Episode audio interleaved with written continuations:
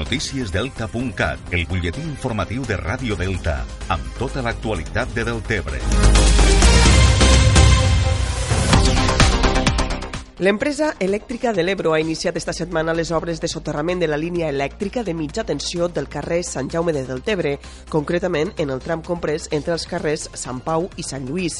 L'actuació permetrà millorar la qualitat del subministrament elèctric, ja que la xarxa actual funciona a 6 kV i amb les obres s'augmentarà fins als 25 kV.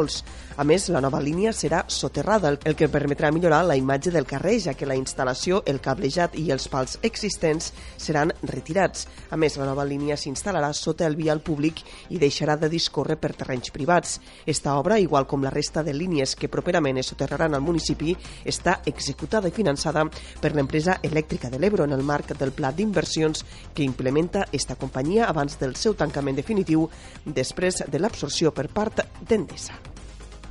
Els presidents dels quatre Consells Comarcals de les Terres de l'Ebre han presentat des de l'estació de l'Aldea una moció consensuada als quatre Consells d'Alcaldes i que durant a votació a tots els municipis del territori per denunciar el greuge territorial que ha suposat la nova planificació amb la posada en marxa de la variant ferroviària de Vandellós.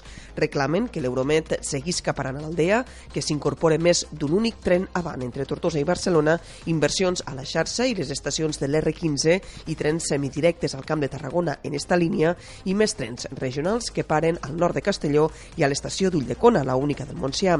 Xavier Fauras, el president del Consell Comarcal del Baix Ebre. És a dir, la màxima responsable de la situació en la que ens trobem.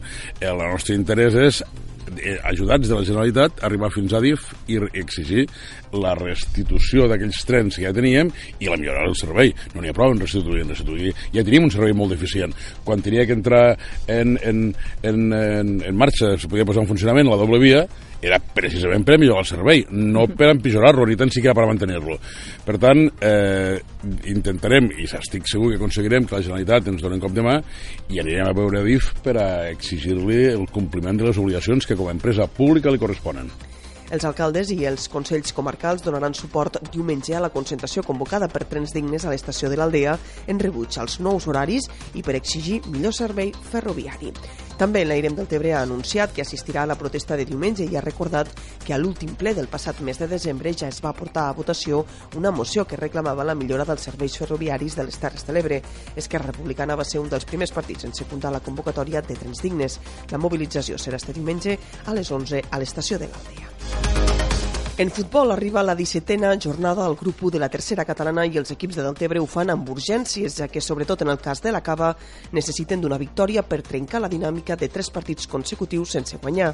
L'equip no ve classificat a la Lliga s'ha despenjat del grup capdavanter i si vol mantenir les aspiracions haurà de capgirar la dinàmica. Esta jornada la Cava rebrà al Roquetenc situat a la part baixa de la classificació. El partit, la Cava Roquetenc, es disputarà diumenge a les 4 de la tarda al municipal del Camp Nou.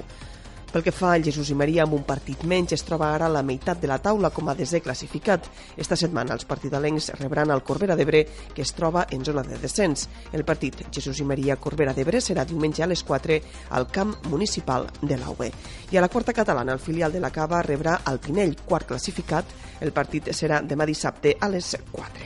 I encara un últim apunt per afegir que a partir del febrer les quatre oficines joves de les Terres de l'Ebre, la del Baix Ebre, el Montsià, la Ribera d'Ebre i la Terra Alta, en col·laboració amb l'entitat Obret Ebre, oferiran un servei de mobilitat internacional per tal d'acompanyar, assessorar i informar els jovens, els professionals i les entitats del territori sobre pràctiques a l'estranger.